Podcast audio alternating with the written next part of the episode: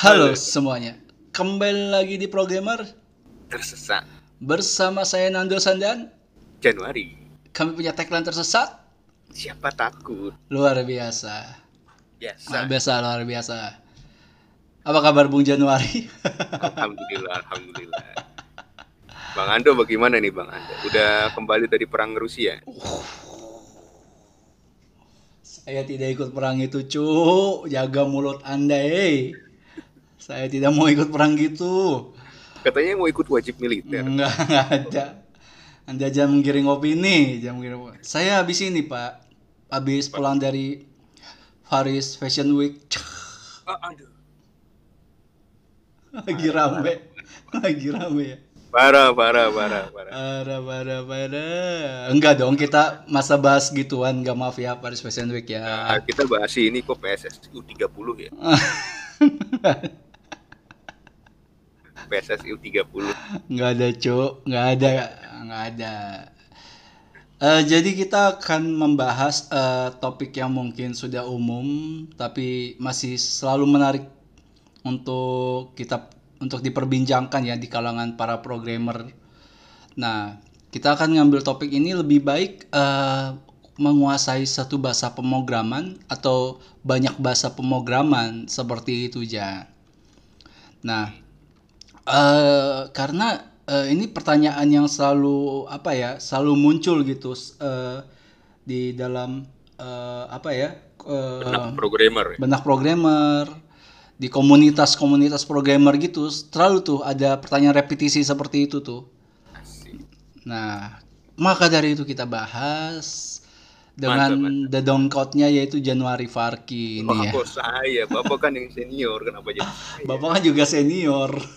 Aduh, saya senior-senioran. nah, gimana nih Jan?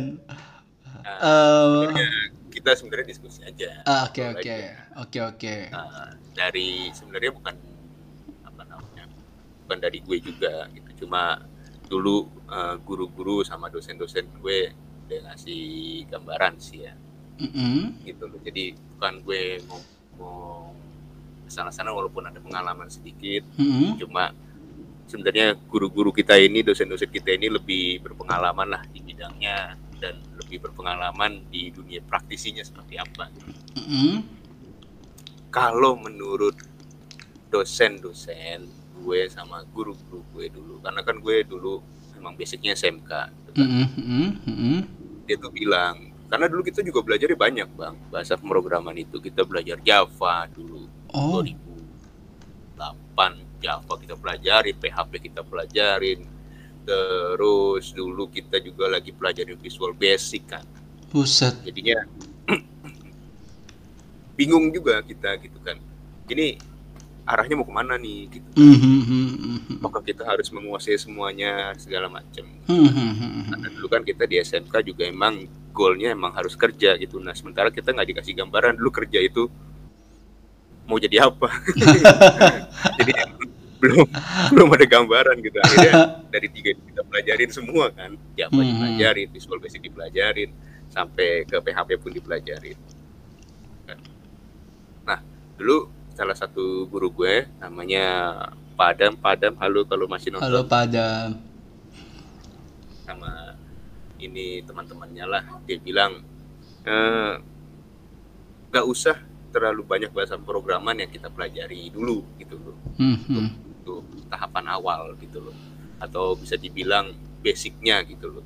Pelajari yang emang pertama dia bilang populer. Nah karena waktu itu yang populer itu adalah Java dan PHP nah waktu itu itu Visual Basic itu juga sebenarnya lagi populer cuma lagi di tren penurunan Oke. udah nggak terlalu tren aja yang lagi naik itu Java sama PHP dipelajari aja dulu salah satunya kemudian dulu adalah masih booming OOP kan Mhm. Object Oriented Programming. Nah pelajari salah satunya dalamin OOP dalamin semua fungsi-fungsinya dalamin konsep bahasa pemrogramannya Mhm. terus bikin banyak portofolionya bikin banyak uh, library ya dulu kita diarahin bikin banyak library, Library. juga itu aja udah cukup buat bekal kita gitu loh nah dalam hal ini dulu emang basicnya Pak Adam dan basic kita juga semua emang tadi bahasa tiga bahasa program itu VB, Java, sama PHP. Akhirnya dikerucutkan jadi dua dulu Java sama PHP. Nah dari dua itu dipecah nih ke anak-anak dulu. Siapa yang mau dalamin Java, siapa yang mau dalamin PHP. Mhm. Akhirnya bentuk gitu kan dua tim itu ada yang dalamin Java dan dalam PHP. Dan gue itu bagian yang masuk ke dalam mendalami PHP itu. Oke. Dan ya gue gue masih inget banget omongannya Pak Adam ini dan gue terapin juga sampai sekarang jadi gue dulu sampai bikin mini bisa dibilang mini framework ya PHP emang kita belajar dulu kan karena emang disuruh bikin library library akhirnya udah banyak kan library-nya terus kita mau bikin apa nih terus Pak Adam juga bilang yaudah bikin mini framework aja dulu kan ya udah kita bikin mini framework kita sebenarnya adopsinya itu kita karena belajar CI jadi kita coba ngikutin proses jalannya CI gitu Nah. Oh. dari situ kita tuh belajar simfoni dulu 2000 Serius lu? Belajar simfoni lu? Iya kita belajar sendiri cuma sharing karena dulu kan kita masih di satu lingkungan kerja juga kan sama Pak Adam itu Ah, simfoni berapa, Jan? Masih inget gak lu? awal-awal Oh, Awal-awal. awal-awal. Bagian- Ah, ah, lupa gue Itu kan lumayan susah ya, Jan ya? sebenarnya gampang sih Pak karena itu juga dia itu kalau sekarang itu Laravel Lumens ya Iya benar. mini kan dia mini, Mini, mini. kalau di apa ya kalau untuk yang Python tuh Flash.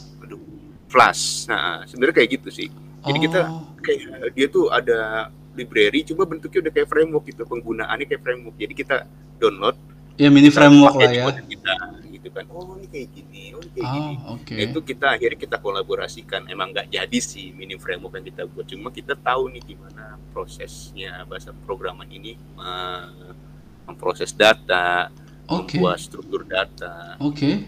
Wow. dan Wow. itu berjalan gitu loh maksudnya apa yang diomong itu gua gua gua ini banget di otak gue akhirnya Hmm. berjalan gitu loh Hmm, hmm. Nah, sampai kemudian kita masuk kuliah gitu kan. Masuk kuliah, kemudian belajar belajar bahasa programan karena emang udah basicnya PHP-nya udah ya kalau dibilang kuat-kuat banget enggak lah anak SMK kan. Hmm, Cuma kita udah ngerti gitu kan prosesnya kayak gimana, hmm. terus bikin-bikin array gimana, terus Hmm. operation kayak gimana. Nah, waktu itu kan belajar C++ kan untuk basic programming. Hmm. Itu hari itu belajar tuh cuma dua hari butuh uh, butuh apa ya bisa dibilang pengenalan habis itu udah lancar-lancar lagi jadi udah nggak ada keluhan ini apa fungsinya ini apa fungsinya gitu kan dan di zaman yang waktu itu internet belum terlalu ini ya mudah Belum. didapat. uh, jadi kayak wah udah ada basicnya nih udah ada basicnya nih udah ada basicnya. Nah gue kira ini uh, bakal kesusahan nih gitu kan. Oh iya flashback dulu. Jadi pas gue lulus itu SMK gue kan kerja ya dulu. Hmm, hmm, kan emang gue basicnya PHP dulu gue kerja disuruh megang VB Visual Oh. Basic pakainya Visual Studio 2005 nah otomatis kan beda dong bahasa programannya beda cara penggunaannya Hmm. cuma karena emang udah ada basic programan yang emang gue tuh udah mendalami atau udah bisa dibilang menyimpan apa-apa yang diomongin Pak Adam itu lu kuasai satu dulu sampai bener-bener dalam Hmm, hmm, baru hmm. nanti ketika lu emang dibutuhkan untuk belajar apa pun itu bisa keluar kapan aja gitu yang penting lu ngerti konsepnya ini bahasa programan itu buat apa. Hmm, hmm. nah, gue belajar VB ternyata kayak gitu juga. Gue cuma butuh waktu sekitar dua minggu untuk bisa dibilang orientasi ya di kantor ya. Wow. Nah, ini ujung-ujungnya sama karena emang konsepnya Iya benar-benar benar sih. tinggal lu uh, tinggal lu mau pakai apa. Waktu itu kan yang lagi naik itu kan library itu untuk report ya Hmm, hmm. pakainya kita pakai crystal report mungkin agak lama di situ karena baru banget Baru banget ya. Diajarin buat reporting pakainya Hmm. crystal report gitu Hmm. ya udah lamanya di situ cuma untuk uh, pembuatan development aplikasinya itu sama sebenarnya prosesnya sama lu mau baca datanya sama struktur datanya sama Benar benar. dan itu akhirnya berjalan juga sampai sekarang sekarang ini dan eh, 2015 waktu itu gue coba untuk belajar Java pun pakai kayak gitu pun masih sama. Gue bilang ini ya semua bahasa pemrograman ujung-ujungnya sama. Lo tinggal berbeda library-nya seperti apa terus kemudian function-function atau metode-metodenya aja yang berbeda gitu kan. Iya.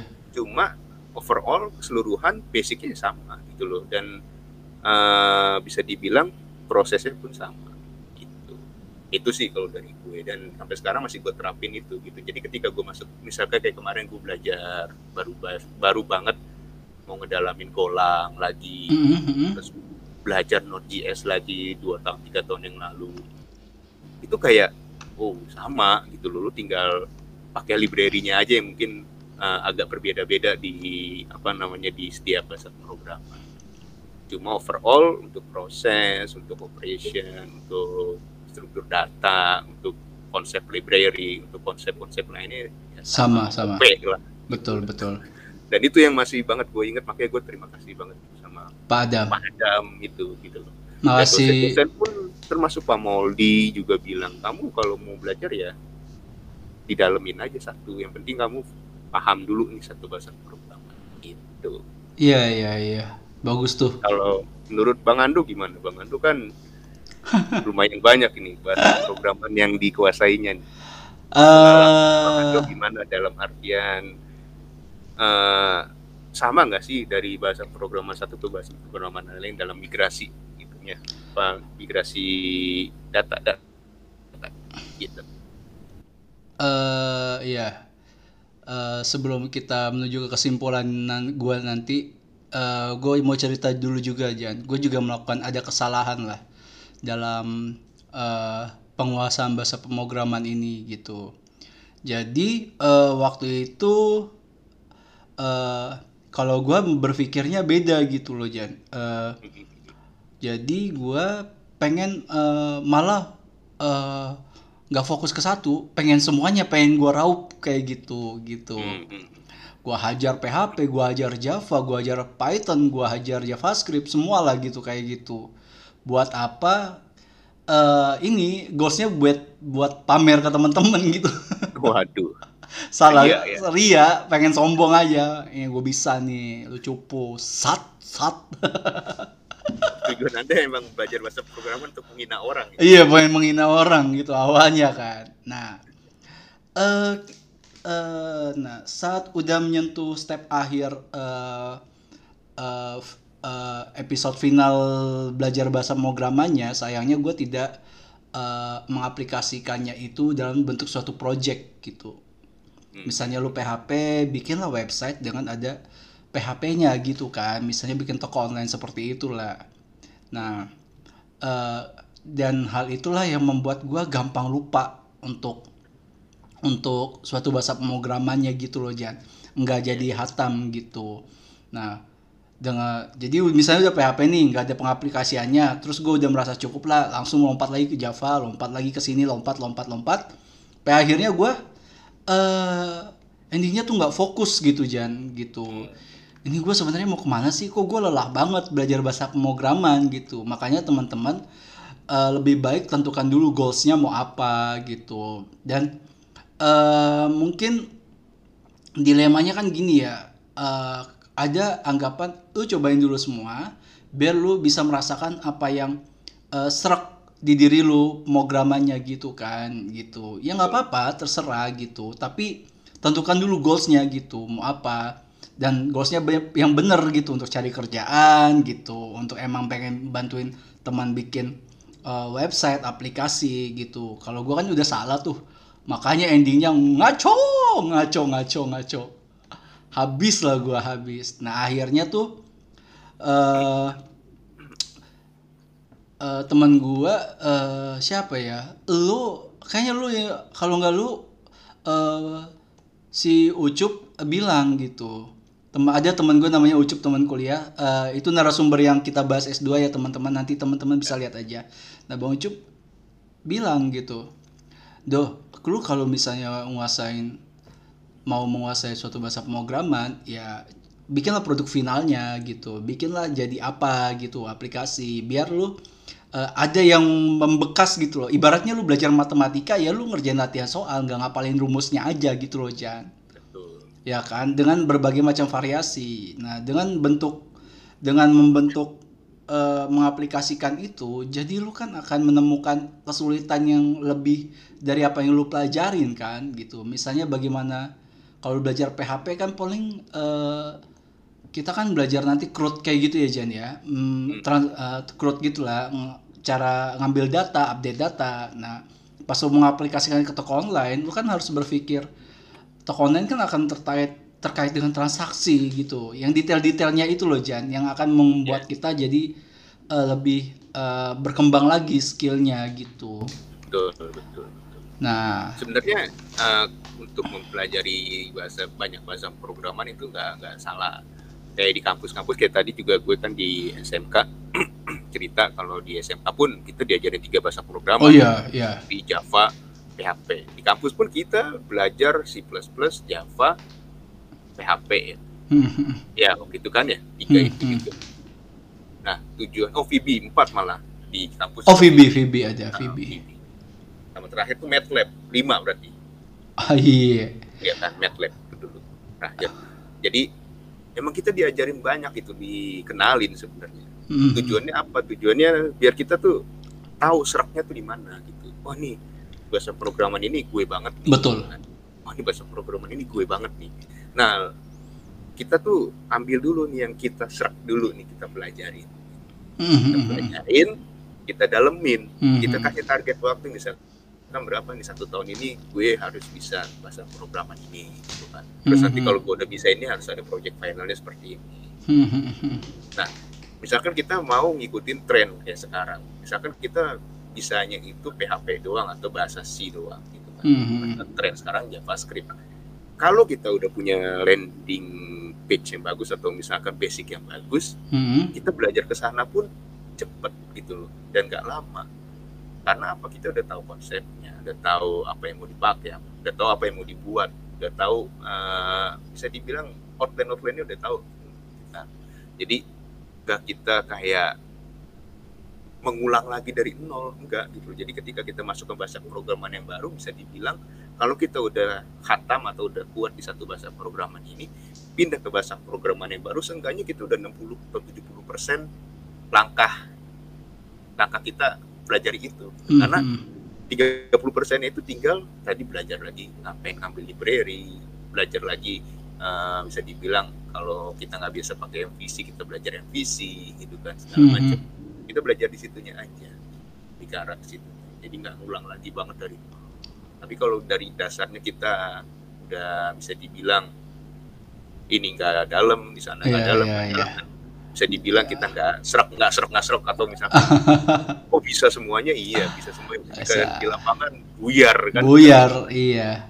nggak biasa pakai Python cuma belajar PHP doang sama JavaScript dan lain-lain Iya, terus iya. tiba-tiba disuruh pakai Python lah ditanya lu itu biasanya sama interviewer lah kamu banyak bahasa programan kenapa pakai ini lama banget ini apa namanya Eh, beradaptasi sama Python ini gitu. Makanya bisa ah. bahasa ini bahasa ini bahasa ini bahasa ini bahasa ini Ah, itu pertimbangannya ya. Iya, iya. user biasanya nanya begitu ya user Hmm, hmm, hmm, hmm, hmm, hmm. kan ada evaluasi Hmm, Betul. hmm. jadi kesimpulannya bagaimana bang Ando Ya lebih baik emang fokusin dulu satu. Eh, satu dulu hatamin nih sampai lu kuasain eh ke akar-akarnya lah. Eh, misalnya dari dasar terus sampai lu dap- jadi kan bahasa pemrograman tuh kan eh, dirancang untuk eh, eh, ada kekhususannya ya, spesialitinya sendiri gitu ya. ya betul. Nah, lu pelajarin dulu dari dasar sampai level level terdalamnya, sampai Nah. jadi banget, sampai lu lu tanpa lihat apa pun bisa sendiri gitu, tanpa lihat betul Heeh. bisa bisa bisa berdiri lah sendiri gitu. Nah, udah udah udah lu merasa nyaman, udah lu merasa enak, eh, baru pelan-pelan gitu. Diatur porsinya aja gitu, 70 30 gitu. 70 misalnya lu masih ingin ngulik ini bahasa pemrograman yang lu udah kuasain, 30 lu cicil untuk ilmu barunya kayak gitu. Di manage aja eh, prioritas yang ingin lu coba. Jangan tiba-tiba 10% 10% buat Java, 10%, 10%. Nah, tiba-tiba ada 10 bahasa pemrograman yang lu ker- pas ingin kuasai secara paralel meledak lu men hi muasabah dirimu kalau ingin ngambil Waduh, semuanya. hei dan gue juga nih. gue juga pernah kayak gitu Jan gitu kan. Eh, belum jadi kayak udah mau lagi nyari kerja gitu kan ngincar Mhm. lah. Ngincar lah eh, apa unicorn unicorn gitu. Mhm. ngincar kayak beberapa Tokped Bukalapak beli-beli gitu Eh, misalnya Tokped bikin requirement eh, bahasa pemrograman yang ini tiba-tiba gue belajar ini gitu gitu. Gitu terus Hmm, Bukalapak latah. latah latah latah. Gitu. Nah akhirnya iya tidak dapat semuanya. Karena tidak fokus. Makanya itu hikmah yang bisa diambil. Fokus guys. Seperti Nah. itu. fokus. Gue boleh nambahin ya? Boleh boleh boleh. Silakan. Gue melengkapin aja sih dari apa yang bang Ando tadi paparkan Mhm, kalau dari gue tambahannya ini aja. Tadi kan bang Ando bilang kalau bahasa program itu kan punya tujuannya mau ke mana masing-masing gitu kan. Betul. Misalkan kita harus tahu dulu nih kita mau belajar apa. Misalkan kita mau belajar website. Nah belajar website ini kan banyak bahasa pemrograman yang mendukung. Kayak tadi misalkan PHP ada Java lewat JSP ada Python lewat Django sama Flash ada apa Microsoft lewat ASP Mhm, mhm. terus ada Golang gitu kan segala macam dan banyak. Nah dari masing-masing itu kita pilih dulu nih salah satu. Wah kita mau belajar website nih. Coba ah yang paling populer yang mana ya bahasa programannya gitu. Mhm. misalkan wah yang paling populer sekarang misalkan Golang. Ayo deh gue belajar Golang. Didalemin dulu Golang itu sampai jadi satu project yang bisa dipresentasiin gitu loh jadi Mhm. cum- jangan cuma bisa dibilang bikin function sederhana bikin ini terus nanti pindah lagi ke yang lain jangan jangan kayak gitu cuma langsung jadi dulu nih bisa dilihat oh nih web gue nih pakai Golang nih nih nih gue kalau mau nampilin filenya begini oh nih gue kalau mau ngebaca API begini kalau mau ngebaca ini kayak gini jadi Mhm. dalemin dulu ke situ gitu loh. Terus kemudian kita mau misalkan ah nggak ah nggak mau website nggak tertarik gitu kan. Gue mau mobile aja lah biar gajinya misalkan bisa sedikit lebih baik gitu kan. Mhm. Nah kita harus analisis dulu nih kita cari dulu riset. Kalau dulu kan memang kita belum ada internet gitu kan. Kalau sekarang kan internet udah kenceng ya kita harus riset dulu kita mau mobile. Mobile itu apa sih bahasa programannya gitu kan. Mhm. Oh misalkan ada Java, Java pun bagi sekarang ada yang bisa pakai Kotlin, ada yang lain-lain kan ada yang pakai ya turunannya banyak lah AA. Terus kemudian ada tadi Objective C. Terus ada lagi misalkan yang emang bisa hybrid uh, Red.js, ya kan, Mhm. Red Native. Nah itu tuh kita harus punya bisa dibilang roadmap yang jelas dulu ketika kita Hmm. mau belajar. Jadi jangan sampai kita kayak kutu loncat gitu. Kalau kutu loncat lama gitu kan satu loncatannya lama cuma dia mendalami gitu kan Hmm. itu nggak apa-apa Tapi kalau loncat loncat loncat loncat doang itu susah gitu loh nanti teman-teman jadi agak terhambat untuk belajar. Yes yes yes. Terus eh, apa lagi ya tadi ya? Oh kesimpulannya idealnya untuk para programmer itu berapa sih eh, untuk menguasai bahasa pemrograman? Mhm. idealnya nih ya idealnya. Idealnya adalah dua lah.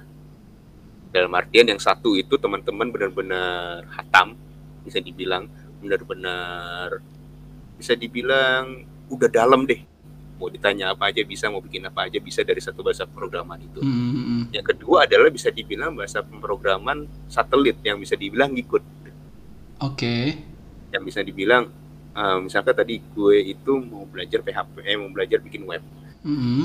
gitu kan. Nah, gue bisa nih PHP. Cuma gue bisa juga misalkan gue punya tabungan kayak JSP-nya Java Mhm. gitu kan. Gue gue emang nggak terlalu jago, cuma gue bisa bikin website pakai itu JSP Hmm. gitu. Atau misalkan gue bisanya JSP Java eh, Java Java server page Ah, ah. terus punya lagi gue satu lagi Golang Mhm. gitu. Jadi gue punya cadangan tuh di dua bahasa itu. Jadi gue bisa menentukan, yo gue bisa masuk nih ke perusahaan ini, yo gue bisa masuk ke perusahaan ini. Gitu. Jadi kalau menurut gue idealnya dua itu sih. Lu punya tabungan dua bahasa pemrograman. Di luar HTML, CSS ya. HTML, CSS kalau sekarang kayak udah bisa dibilang sesuatu yang wajib dilewati lah seenggaknya gitu. HTML-nya doang nggak apa-apa atau misalkan lu bisa belajar stylingnya doang juga nggak apa-apa. Cuma itu udah sesuatu yang wajib nggak bisa dipisahin kalau HTML CSS nggak usah pakai framework yang penting bisa HTML iya iya iya iya. Gitu.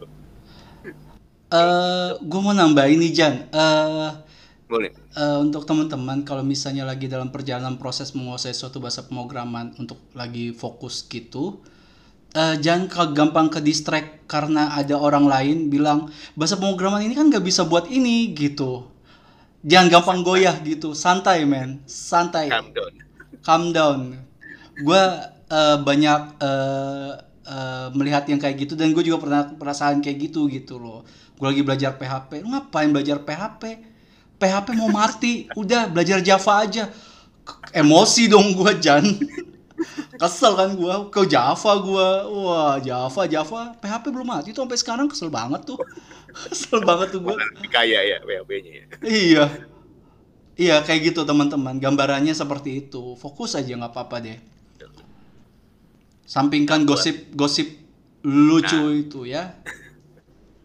Mungkin buat teman-teman yang masih kuliah sekarang Mm-mm. dalam-dalamin tuh explore uh, bahasa pemrograman apa yang kira-kira uh, cocok atau nanti akan booming di saat teman-teman lulus.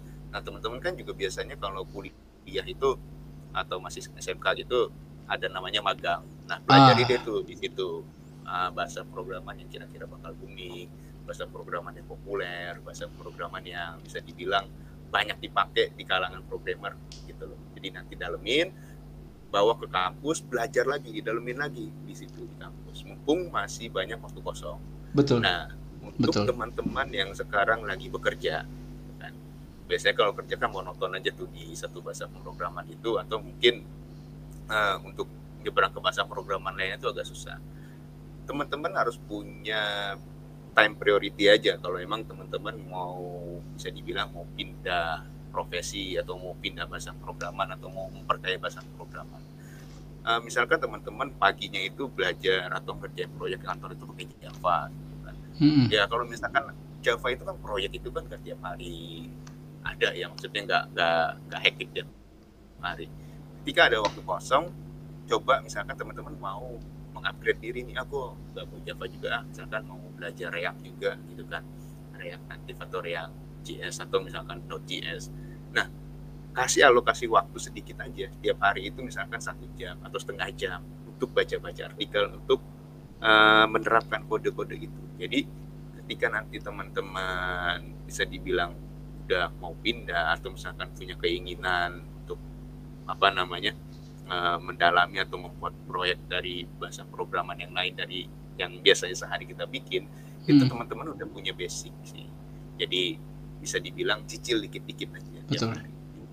Jangan sampai ada bisa dibilang waktu santai yang bisa dibilang eh, zona nyaman ya. Biasanya kalau udah zona nyaman udah susah. Iya, itu dia.